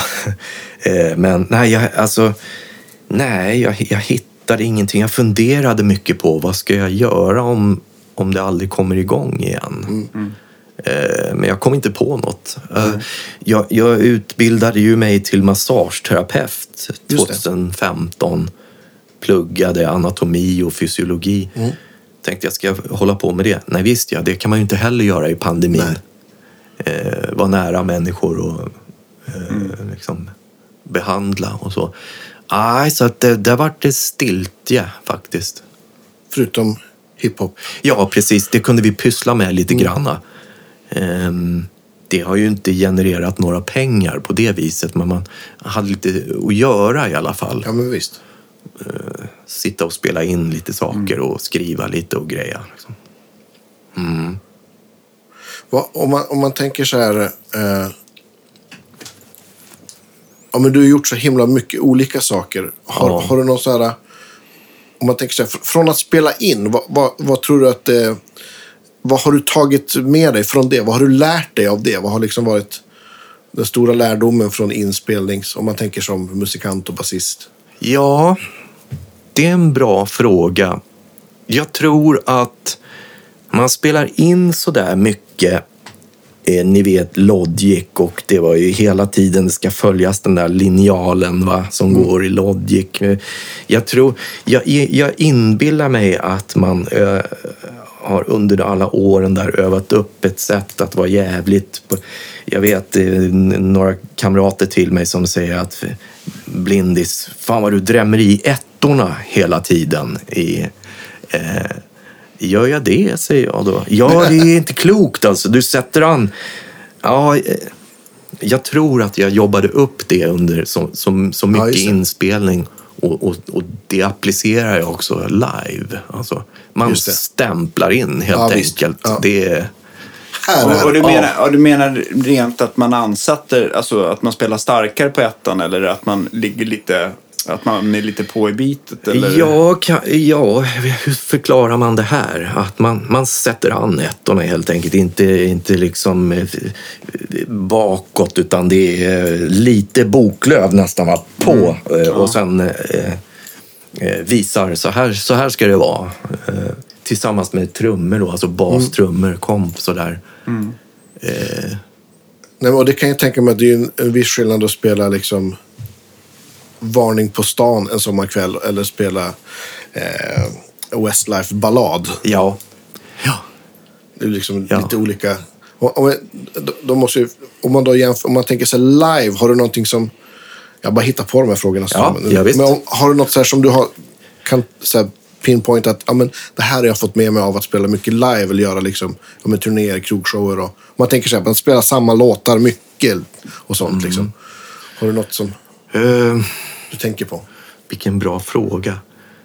Svåra frågor Ja, du ställer. jag, jag, Jag, jag har skärpt ihop mig här Ja, jag har inte tänkt så mycket på det faktiskt, ska jag säga dig. Det kanske är det som är det bra, tänker jag också. Att man inte Ja. analyserar Just för det. mycket utan bara kör. Just det. Stå på alltså. Spela med könet brukar jag säga. Ja, men visst. man, tar, man tar i helt enkelt och trycker dit så som det ska vara. Precis. Ja, men precis. Ja, men det, det, är väl en, det är väl en jättebra sån. Oavsett vad man spelar för genre eller, Ja. eller, eller live eller studio. Att man liksom, ja men, Jag, jag, jag Menar vad också, spelar, höll jag jag tänker också på Cheiron-tiden. Var, det, var det programmerade trummor eller var det även... Men om det var live-trummor, vem, vem brukade trumma då? Var det lite olika? Eller? Det var, det var väldigt sällan det var det. Jag vet att eh, Lindvall har spelat eh, trummor på, jag minns jag inte vilka låtar det är, men ibland hade man tänkt att här måste det nog vara live-trummor och då vet jag att Lindvall har spelat. Eh, vi har gjort någonting tillsammans också till Andreas Karlsson vet jag, alltså session, jag och Lindvall då jag står och är, är helt borta. Liksom. Jag ser, där sitter Per Lindvall och spelar trummor och här står jag. Alltså, man är, du vet, man är helt... ja. Ett par gånger har vi spelat live tillsammans då. Eh, Men, Men på Cheiron var det ja, uteslutande programmerat skulle jag vilja säga. Så när som att man kanske la till någon live hi-hat Ja, möjligtvis. eller addera någon virvel bara. Liksom. Okej. Men väldigt sällan komp. Om man bortser från Cheiron-studion och sådär, vilka andra studios åkte du omkring till och, och, och spela in på? Ja, mycket var ju hos Bagge. Mm. Eh, Anders Bagge, det som blev Merlin Music sen. Så det. ute där i, um, vad heter det nu då? Ulriksdals slott höll jag på att säga, heter det inte. Utan Bergshamra där, Mm. där, där Merlin Music höll till. De, alltså Christian, L- Christian Karlsson Lilk, alltså Bloodshy och Avant kallar de sig, det där teamet som, Just ju, det. som, började, som gjorde sen Britney-låtar. Toxic Just det. som jag är med och matar på också. D- Där var jag ju ganska mycket med deras produktioner. Vilka, vilka produktioner blev det där? Där blev det Britney och det blev, eh, ja, alltså... ehm, det är så mycket att välja på. Så att det, ja, alltså jag har glömt bort. Det står nog i... Det står i någon slags biografi där faktiskt. Artister. Alltså... Eh, det var väl lite... Jag undrar om det inte var några Madonna-grejer. Christina Milian. Eh, pass. Okej. Jag, kom- jag minns inte. Ja, Men, du men om, om, om, vi bara tittar utan att säga eh, procent och siffror och sådär. Det Mm. som du får in fortfarande mycket på STIM eh, så är det Britney, Ja. Westlife och eh, Celine, Celine. Ja. Celine Westlife eh, och Backstreet. Ja. Det är väl det som är mest. Ja. Och nu har det ju gått 20 år och det verkar som att det har börjat spelas mer nu Ja. 20 år senare. Just det. Mm. har gått hela varvet runt. va? Det kunde man märka under pandemin på Sameavräkningarna att alltså, det verkar ha ökat. Ja, men folk lyssnar på, kanske hade tid att lyssna in saker som man lyssnade på när man var ung. Ja, Eller liksom. ja visst. Och det spelas väldigt mycket alltså globalt. Mm. Eh, Jag bara liksom, när jag var i New York och var inne och skulle köpa lite eh, grejer på 7-Eleven så gick Britney i radio. Ja. eh, ehm, Så att jag, ja, jag En förstår. lite så här härlig känsla ändå va? Ja. Ja. roligt. Man stannar upp sådär bara. Ja, lite Vad- surrealistiskt kanske jag, också. jag känner igen det här. Ja, visst ja, det är ju det här. Ja. Ja, det är jag. Ja. Men Ja, sen måste kan jag vara tänka mig också, kan det inte vara så när man spelar in och hör färdiga plattan eller någonting så här, inte singlarna, varför blev inte det här en, en stor hit eller, eller någonting så här som du kanske gillade Ja. mer än de som blev singlar? Ja, precis. Det har du rätt i. Många albumspår har det ju blivit och här tänkte man, det vet jag att jag har tänkt någon gång, jäklar, det här blir, en, eh, det här blir ju en tok. Kioskvältare. Ja, Ja. visst. Men så, Så- så hamnar den eh, som, på, som ett albumspår då. I, Ja, just det. Det är så mycket tillfälligheter med sånt där. Liksom. ja, ja, visst. Så, ja, men jag, jag, det första som jag tänker på är det är någon Guns N' Roses-låt som de släppte som... Ja, det hände ingenting. Nej. Så, sen tror jag att de släppte den igen. Ja, Något precis. halvår senare. Och då fäste det på helt plötsligt. Ja. Om det var så här, Welcome to the Jungle eller jag kommer inte ihåg. Men någon av de här Just tidigare. det, just Så att det. är det. liksom, det, det, Timing och, Ja, och men flyt exakt. och vind i seglen. Ja, Ja, precis. precis. Ja, där har jag ju haft en jäkla tur måste jag säga att de, de flesta låtar blev också singlar. ja. ja, det måste göra stor skillnad. Liksom. Ja, visst. Och spelas de hela tiden eh, ett tag ju. Mm. Och, Ja, och det där är ju fast. liksom en, Ja. en, en, en, eh, en... Det är ju liksom pophistoria. Ja, De precis. låtarna, Det är ju liksom... Det är inte bara en poplåt, det är ju klassiker faktiskt. ja, Har, har- blivit klassiker. Precis. Det kanske inte ni tänkte på, på då, liksom, då, du, då du satt där. det är precis det. Vi tänkte inte, varken Esbjörn eller jag tänkte på det så mycket då. För man hade alltid något annat man skulle till och man Ja. förstod inte riktigt. Det är på senare år som man har reflekterat över den där Ja. tiden. Och en epok som är Ja, för sig innan streamingen eh, slog till där och så. Ja. Så att det, det är ju en fantastisk grej alltså. Ja, men alltså, då jag har amerikanska polare på besök, då, då åker så här, då, då, det är liksom så här, åker förbi och pekar på tjejerna i studion. Det är en så här, Ja, liksom, just det, Eller så här, åka ner på baksidan och så här. Och Ja. Det är så här, det är en, en gjuten. Det är så här, ja. Ja. vi måste så här, ja visst. Ja, ja, Så det är Man fattar inte liksom hur stort det Alltså när man blir påmind om det sådär. Här när man är... När det blir så vardagligt eller att man, man bor nära då tänker man Ja. inte på det på samma sätt. Man blir nej. påmind utifrån på något sätt. Ja, ja visst. Ja, det, det pratade vi om senast vi sågs Esbjörn och jag. Att jäklar vilken grej det där var alltså. Vad roligt. Men som sagt, han skulle vidare på någonting och jag skulle Ja, alltid visst. vidare på något. Och Ja. man skulle stå och repa. Och, så det var en- någon Céline Dion-låt man spelade in och sen tre timmar senare stod man och matade på Ängelen va? Ja. och tog ett par stöl. Så att det, var, det var tvära kast Ja, hela tiden.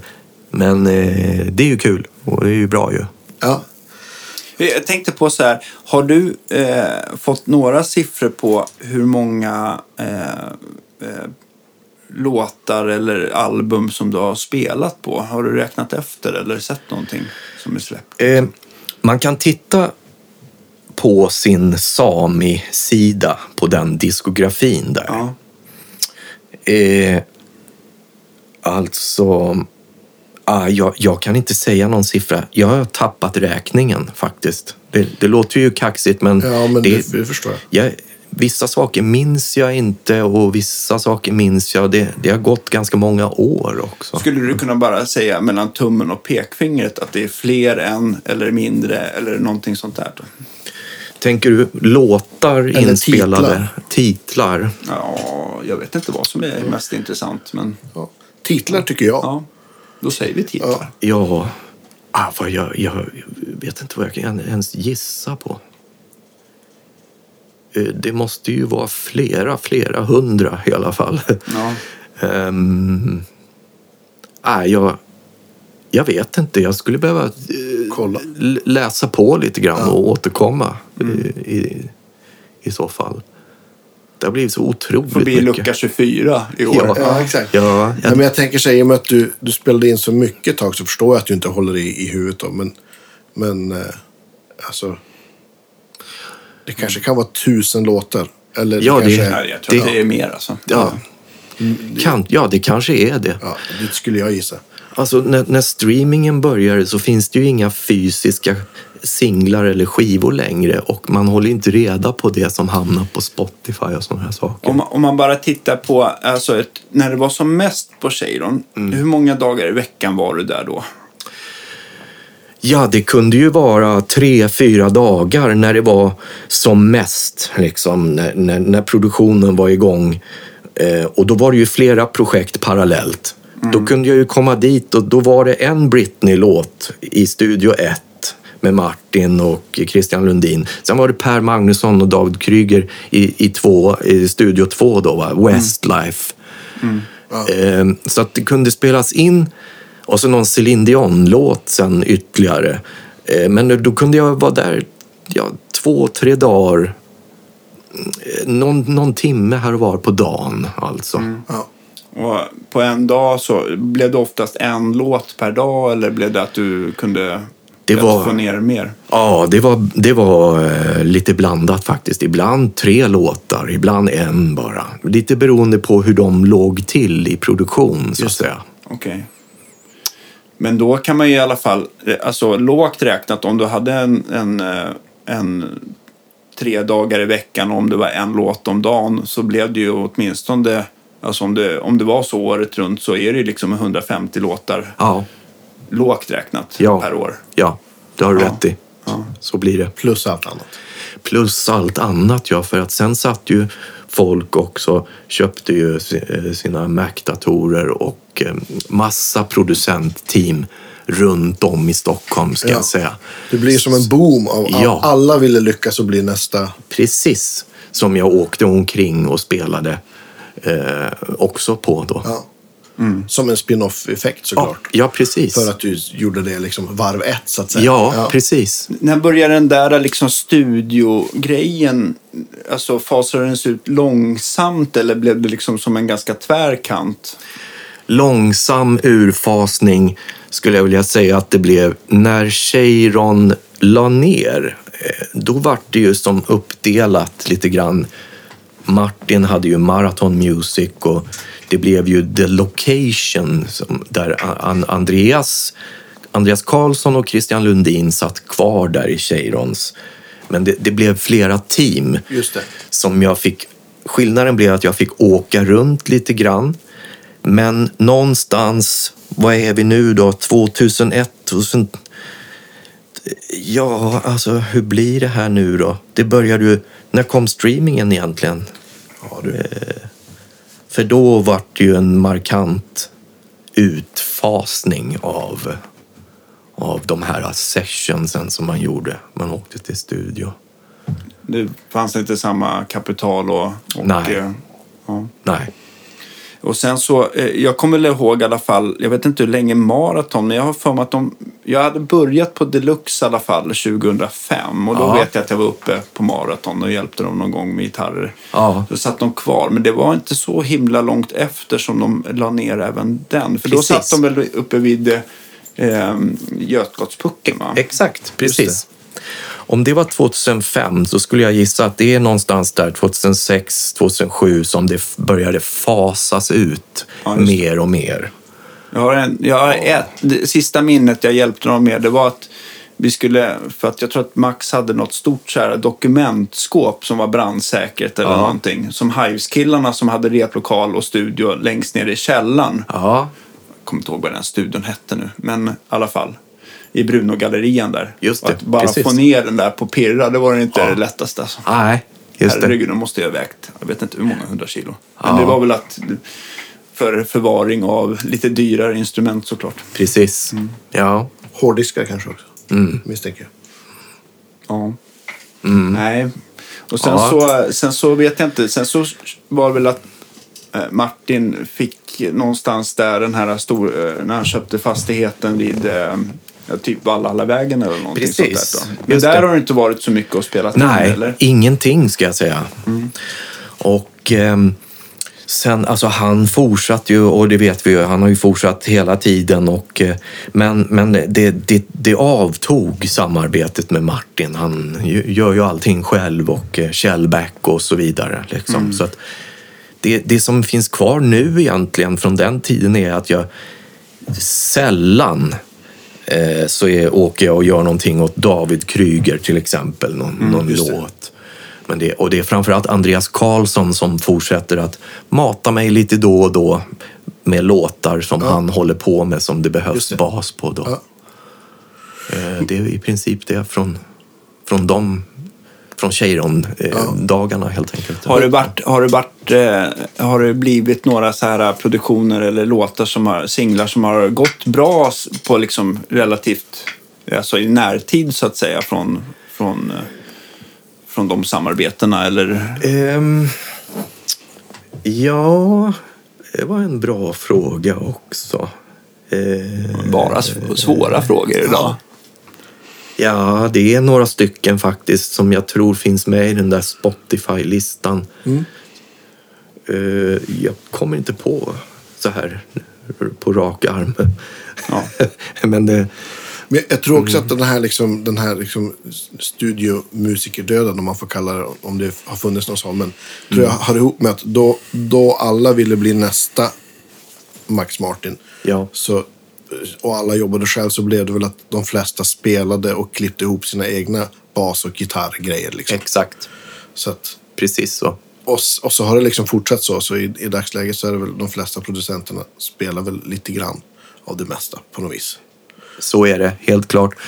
Och det är ju inte i närheten budgetar vad jag förstår så att man kan plocka in liksom, musikanter som det var på Cheiron. Det var ju inget, man pratade aldrig. Alltså, jag minns bara att man fick skicka en faktura eh, efter att man har varit där. Ja.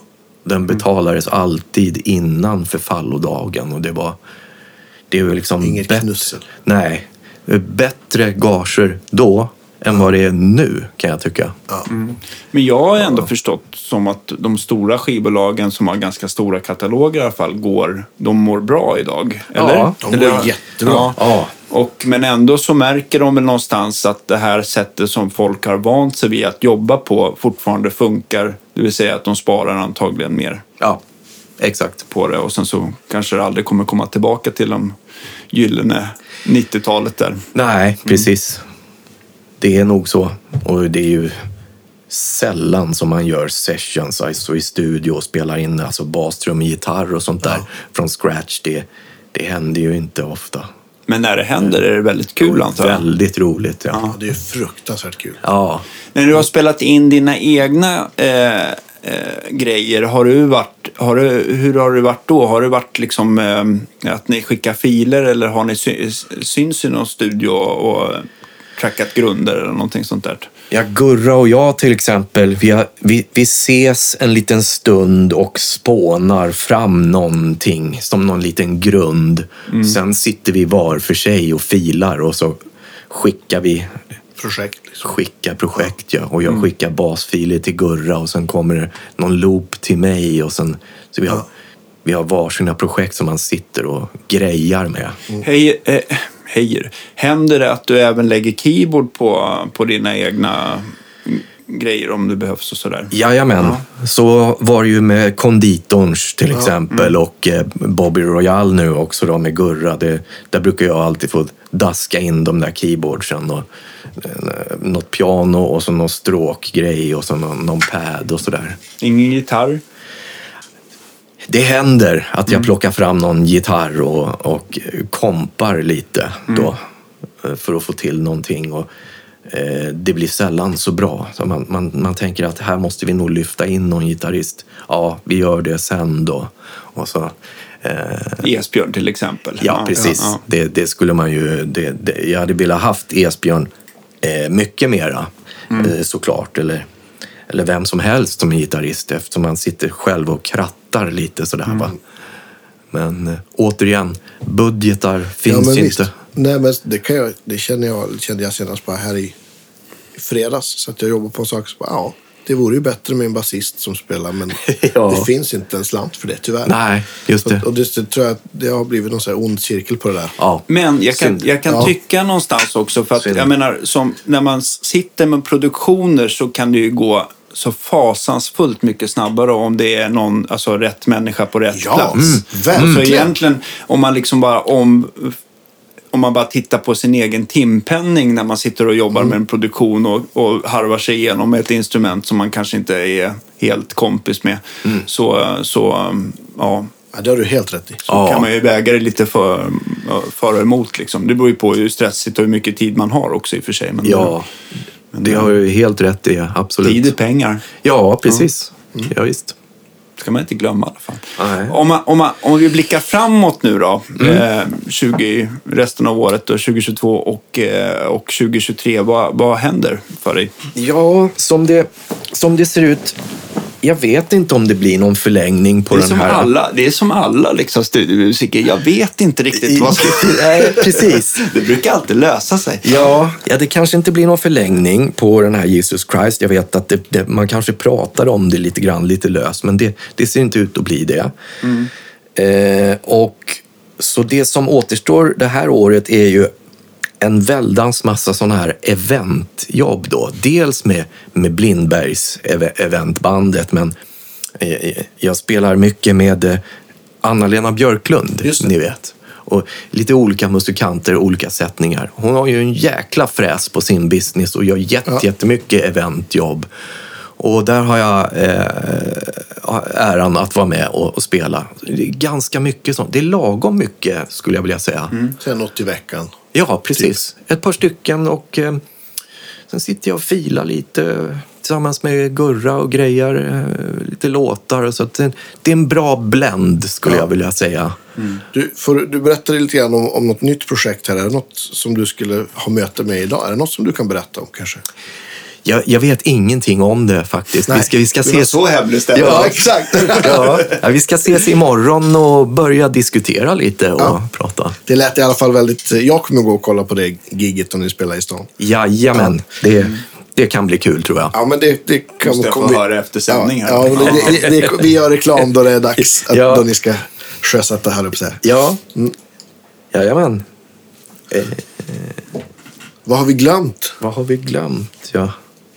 Jag tycker det är ändå så här, också så här befriande eftersom eh, jag tycker det, eller jag förstår ju att vissa vill ha stora pedalbord och allting så här, men det känns så härligt när man går igenom gear att det går ganska, det här- det här funkar. Jag har inte hittat någonting som kan göra det bättre på något sätt efter alla år. Just det. det känns så, jag vet inte, det är så härligt på något sätt. ja, Det är som Derek Trucks, det är också en stämapparat. Fast han är ju så hård så att han har ju stämapparaten på stärken och så drar han ur stämapparaten när han stängt, stämt och så stoppar han tillbaka in i förstärkaren. jaha, okej. Ja, mäktigt. Ja, det är mäktigt. Ja. Är det har blivit bara ett, ett sätt som jag bara använder hela tiden. Minst krångel och jag vet att det funkar. Och... Ja. Det är få saker som kan gå sönder då. Ja, precis. Men jag tänkte på Lisbeth 1, Lisbeth 2, de vet vi att du äger. Är det Ja. några fler basar förutom möjligtvis farsans gamla Ibanez då som du äger? Den har jag som sparebas ofta, farsans gamla bas. Eh, eh, eh, jag har gjort mig av med flera P-basar. Jag hade någon 77 svart P-bas som jag... Oj, det är länge sedan jag sålde den, för kanske tio år sedan. För att jag har ju helt enkelt inte fått feeling för P-bas. Eller vissa har ju det. Och Är, tycker är det, det... soundmässigt? Eller, för Ja. jag menar, halsarna är ju lite bredare och Precis. de känns annorlunda att spela på. Så jag antar att mycket igen, att man ska känna igen sig på ett instrument. Precis, det är dels det, men soundmässigt också. Så det är någonting som jag inte har fastnat för. Och jag frågar mig inte varför, men alltså det är... Eh, det har blivit så bara att jag har blivit jazzbas. Eh, den, den där som ligger där, Lisbeth 2, en trotjänare. Det, det är som... Ja, det är jag och Lisbeth 2 men visst. helt enkelt. Vi- Vilken köpte du? Jag antar att du köpte Lisbeth 1 först. Ja. ja. Var hittade du henne någonstans? Lisbeth 1 hittade jag i Huddinge en, eh, en farbror som, som sålde den. Oj, det här, eh, när är det här då? 93 kanske. 1993 köpte jag den. Bara på gula sidorna? Typ, Ja, eller? precis. Ja. Gula sidorna fanns ju då, ja, på, på den tiden. En annons. Eh, jag ringde, gick och tittade, köpte den för 15 000. Ja. Perfekt. ja. Är värd några kronor till idag. Ja, det, ja, men de har väl stigit lite granna, de där. Jag, jag har ju originalcase till båda basarna och kåporna och alltihopa kvar. Ja. Eh, Är det någon, eh, eh, har båda originalmickar och elektronik eller någonting som du har fått byta genom åren? Nej, inget är bytt. Allt är original. Just det, men kåporna tänker du på de här, de här plåtarna som går över och Precis. de som man gärna tar bort av. Precis. Ja, mm. Och, och i de kåporna sitter någon slags skumgummibit har jag sett. Liksom. Men märkligt. för att få reggae-soundet. Ja, precis. precis. Korta toner bara. Har du något sånt här? Var, var hittar du Lisbeth 2 någonstans? Ja, bra där. Eh, I Västerås, en musikerkollega, en basist, eh, behövde sälja av Lisbeth 2.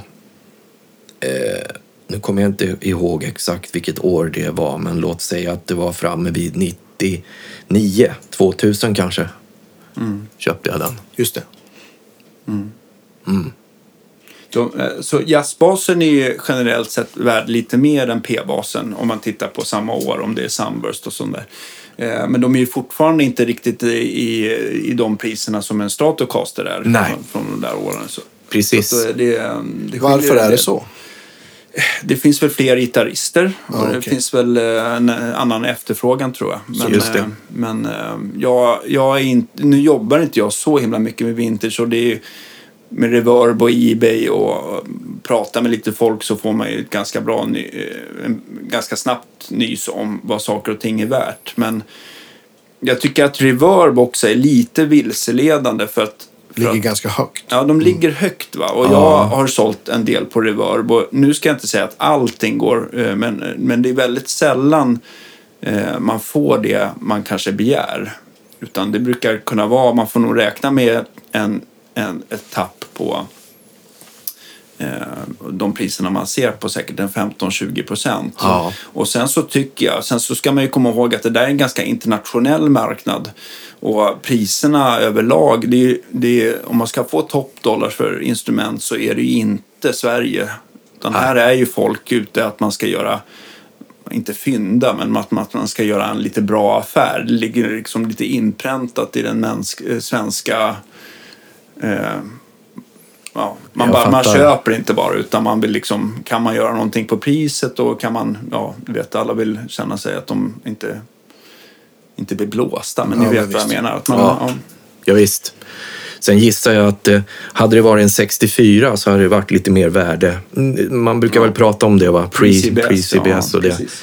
Så det är Ja, ju de kom 60. Ju, det var ju brytpunkten där. Men, eh, men sen så är det väl eh, på, på, på Stratocasterna där är det ju till exempel att man går över från slabboard till venerboard. Alltså att man, eh, slabboard där kan man ju se att greppbrädan är plan på undersidan då, det som limmas mot lönnen. Just det. Medan venerboarden den liksom limmas ju liksom i samma, i samma välvning som, som, som lönnen, på, Ja. alltså som halsen är. Så det blir lite tunnare. Och de slabboard kom väl slutet av 59 till 62 tror jag innan de bytte där någonstans. Ja, Och de är väl lite mer värdefulla då. just det.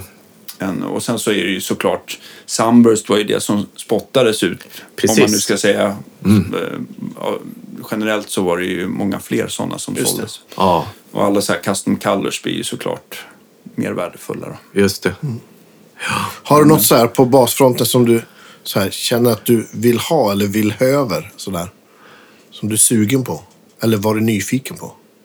Nej. Skönt. Bra fråga. Jag har inte ens jag har inte tänkt. Nej.